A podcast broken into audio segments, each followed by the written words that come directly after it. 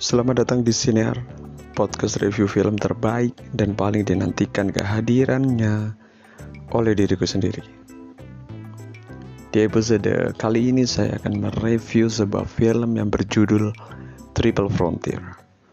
Film yang syarat akan nilai-nilai budi pekerti luhur.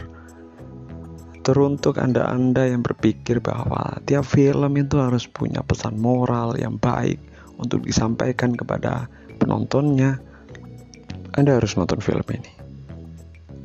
Film ini bercerita tentang sekelompok bapak-bapak mantan tentara Amerika Serikat yang akan mengajarkan pada kita bahwa sifat serakah terhadap uang itu sangatlah tidak baik.